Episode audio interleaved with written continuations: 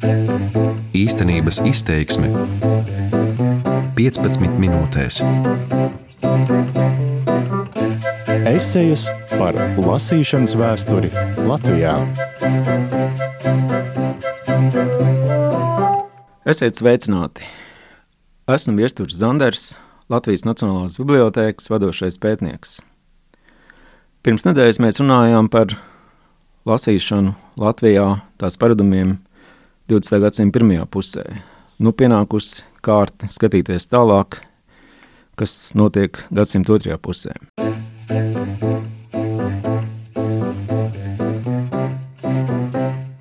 Savu īpašo vietu Latvijas sabiedrības dzīvē grāmatas saglabā arī 20. gadsimta otrajā pusē. Gan ievērojami atšķirīgāk kā iepriekšējos gadu desmitos. Okupācijas apstākļos grāmata kļūst par ideoloģiskās cīņas ieroci un, kas ir nemazāk svarīgi, arī garīgās pretestības instrumentu. Cita loma grāmatai un lasīšanai ir latviešu trimdnieku dzīvē, bet par to nedaudz vēlāk. Otrā pasaules kara laikā padomju un nacistu režīmiem nevēlamie iespējdarbi tiek izņemti no grāmattirdzniecības vietām un publiskajām bibliotekām. To vairākums tiek utilizēts, respektīvi iznīcināts, bet zināms eksemplāru skaits glabāts speciālos fondos lielākajās zinātniskajās bibliotekās. Par padomu okupācijas varas īstenotā kultūras genocīdu vērienu pēckara gados liecina saraksts, ko ļoti niecīgā eksemplāra skaitā 51. gadā publicēja tā sastādītāja padomu cenzūras institūcija galvenā literatūras pārvalde. Turpmāk cenzūras sarakstos iekļautais personīgajās bibliotekās bieži vien tiek noglabāts aiz ideoloģiski nekaitīgiem izdevumiem. Par okupācijas režīmam nevēlamu tekstu lasīšanu, glabāšanu un izplatīšanu cilvēki tiek tiesāti un represēti ne tikai Staļina valdīšanas laikā, lai atceramies tā saucamā franču grupu 50. gadu sākumā, bet arī 60. un 80. gados. Un šeit kā pazīstamākais piemērs varētu būt brīvības cīnītāja Gunāra Astras vairāk kārtējā tiesāšana. Cenzūrai izslēdzot no aprits daudz talantīgu dažādu pauģu autoru tekstus, tiek būtiski deformēts nacionālās rakstniecības un zinātnes attīstības process. Veidojas situācija, kad sabiedrības vairākumam trūkst citas lasāmvielas alternatīvas, un režīmam lojālo vai pat tā nomenklatūrai piedarošo autoru, kā Vils Lācis un Arvīts Griguls teksti, tiek izdoti masu tirāžās. Un tad saprotams, ka šādā bezkonkurences situācijā tādam autoram kā Lācim nav grūti kļūt par vienu no visvairāk lasītajiem savu laiku rakstniekiem. Kā vēl nesen izdotā grāmatā no jauna atkārto viņa cienītājs Zigmunds Skuiņš. Kā jau totalitārā sabiedrībā, arī padoma Latvijā. Ārpus tās latviešu izdotās grāmatas ar retiem izņēmumiem tiek noklusētas, ir pieejamas tikai izredzētajiem, un arī tad galvenokārt ideoloģiskās cīņas nolūkos. Piemēram, Andrejam Upītam, lai atcerētu paskvilu ar nosaukumu Besaules noriets latviešu buržāzijai un tās literatūrai emigrācijai. 60. un 80. gados vairs netiek voluntāri uzspiesta padomu varas vīru, Leņķina, Staļina, vēl citu rakstu obligātu pasūtināšanu. Tomēr šodien vidējai paudzei piedarošie spēs sasaukt atmiņā skolas gadus ar prasību studēt tekstus, kuru autorība tika piedēvēta komunistiskās partijas tālaika vadonim Leonīdam Brežņevam. To, ka padomu ideologiem nav vienalga, ko lasa mazas biblioteka apmeklētājs, raksturo arī kāda sabiedriskā konsultanta vērojumi Rīgas 10. bibliotekā 60. gadu sākumā. Citēji. Skaitļi liecina, ka sabiedrisko politisko zināšanu papildināšanā viskūtrākās ir mājasemnieces. Daudzas pusmūža gados un pat jaunas sievietes galvenokārt lasa tikai aizrobežu daļtūru un žurnālus. Neviens vien jaunietis gadā izlasīs tikai dažu padomi autoru dēldarbus. Kaut cik regulāri lasītāja interešu izpēta vismaz 40. un 50. gados pilnībā aizstāja tā saucamā literatūras propaganda. Izmantojot socioloģijas metodes, 70. un 80. gados top vairāk bibliotēku lasītāju interešu pētījumi. Tomēr, paturot prātā iepriekš minētos apstākļus, diez vai varam uzskatīt, ka tolaik ir iespējams iegūt pilnvērtīgu priekšstatu, kādi teksti, izdevumi ir sabiedrības rīcībā un kādi tiek lasīti. Tikai šķietam vieglāk ir aprakstīt jau mūžībā aizgājušu kultūras darbinieku un zinātnieku, kā Rāņa, Brigadieris, Pauls Stradiņu un vēl citu personīgās bibliotēkas. Jo arī šādos gadījumos neiztiek bez totalitārās varas diktētiem noklusējumiem.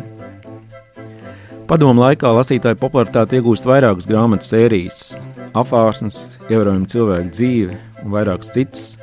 Un dzējas izdevums sasniedz līdz tam nepieredzētu liels tirāžs. Atsevišķiem autoriem, kā Imantam Ziedonim, Ojāram Vācietim un Ārijai Elksnei, grāmatas tiek iespiestas pat 33 tūkstošos eksemplāru. Nestoties uz to, daudzas pieprasītas grāmatas tolaik kļūst par deficītu. Arī padomju ēras noriet fāzē, vēl 80. gados.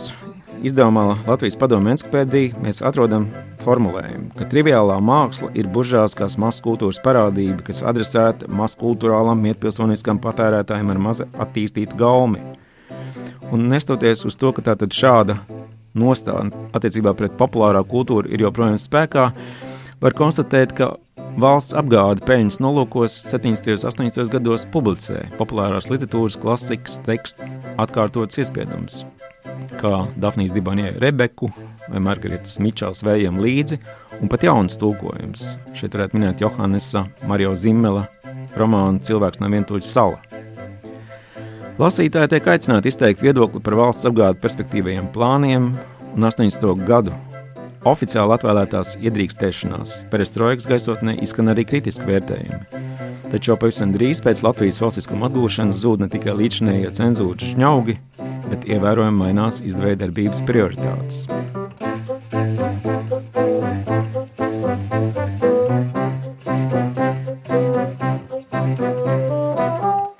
Un tagad paskatīsimies, kas notiek ārpus Latvijas.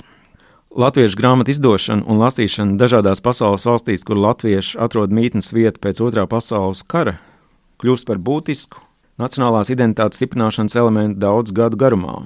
Šāda lasīšanas funkcija ir bijusi svarīga latviešiem atrodoties ārpus dzimtenes, protams, arī citos laikos. Taču tieši 40. un 80. gados trimdā tiek uzturēta grāmatniecība, kura nav margināla iepratīm Latvijā notiekošiem, bet ierobežotā apjomā mēģina turpināt valstiskuma laikā aizsāktās grāmatniecības tradīcijas.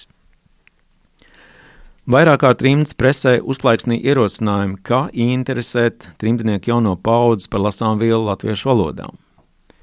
Mudinot atbalstīt viņa aizsākto grāmatiņu virkni par latviešu karavīriem, Miķels Gopers jau pirmīt minētais Zelta Ābels apgāda vadītājs cer, ka šīs grāmatas kļūs par citēju operu pretlīdzekli kauboju un gangsteru literatūras un filmu indēju, magazīnu un komiku salkanībām un citām brīvās pasaules masas cilvēku ikdienas patēriņu priekšmetiem. Turpretī literatūra kritiķis Vītauts Kalvi aicina nevērtēt komiks vienīgi kā amerikāņu masas literatūras produktu. Viņš atgādina, ka bērniem domāts attēlu virknes ar tekstiem jau 20. gados Latvijā ir publicējis žurnāls Cīrulīts un ierosina pārvērst attēlu virknēs pumpuru lāčplēs, brigdieris sprīdīt un vēl citas literāras darbus. Nepārvērtējuma nozīme trījus jaunās paudzes lasītprieku veicināšanā ir gan žurnālam Masputniņš, kas sāk iznākt Kalamazū 1959. gadā un tiek izdots Kanādā līdz pat 94. gadam, gan Baibas Vitoļņas apgādam atvases Stokholmā, kas cits starpā 72. gadā piedāvā tēlvīzes formātā Aleksandra Grīna romāna Zemes atjaunotāja pirmo daļu. 50. un 60. gados atsevišķi apgāde publicēja vērienīgus kultūra vēsturiskus izdevumus, piemēram, apgādes Daugova, Latvijas vēsturē veltīta monogrāfija virkni un kāļas kalvas rakstus, bet apgādes imanta latviešu tautas dziesmas 12 sējumos. Daļai no šiem izdevumiem tiek praktizēta iepriekš parakstīšanās, un to iznākšana liecina, ka ir nostabilizējusies trimdnieku pirktspēja.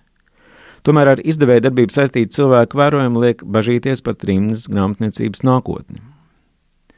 Litūra kritiķis Jānis Andrups rosina jaunatnes organizācijām pievērsties latviešu grāmatu publiskai iztirzāšanai.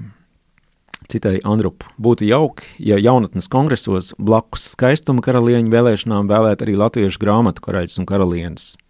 Tos, kas visvairāk ilastījuši latviešu grāmatas.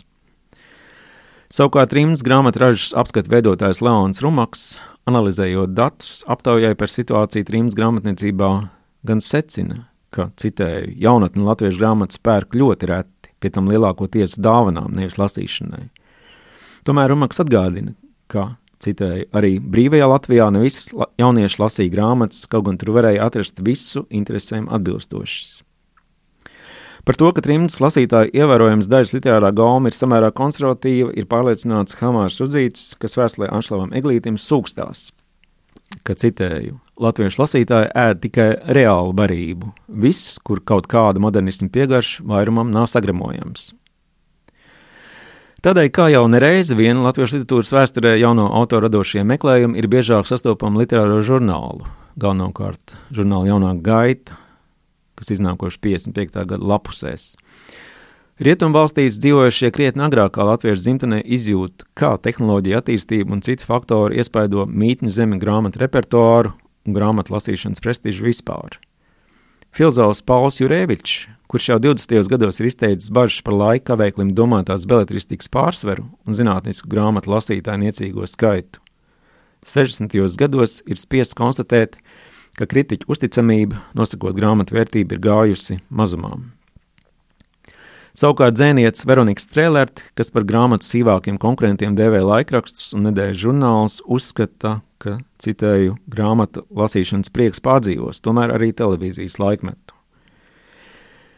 Cik veiksmīgi nākotnē ir izdevies ielūkoties dzēniecei, un cik precīzi tikai gadu vēlāk, 62. gadā, Gutenberga galaktikas nākotnē ir prognozējis poligrāfiskās grāmatas gala piesaucējs kanādiešu mediju teorētiķis Herberts Maršals Maklūens, katrs var spriest pats. Mēs savukārt 20. gadsimta nogalē esam bijuši liecinieki būtiskām pārmaiņām Latvijas grāmatu apgādes darbā, kā arī lasīšanas paradumu jomā. Pēc valsts neatkarības atjaunošanas ir kļuvuši iespējami ideoloģiski neietekmēti pētījumi par grāmatniecības attīstību Latvijā aizvadītajā gadsimtā. Plašāk kā līdz šim ir pētīta populārās literatūras lasīšanas pieredze un analizēti atsevišķi 20. gadsimta kultūras personību personīgie grāmatu krājumi. Tomēr avotos balstītas analītiskas Latvijas 20. gadsimta grāmatniecības un arī lasīšanas vēstures uzrakstīšana vēl ir pētnieku nākotnes uzdevums.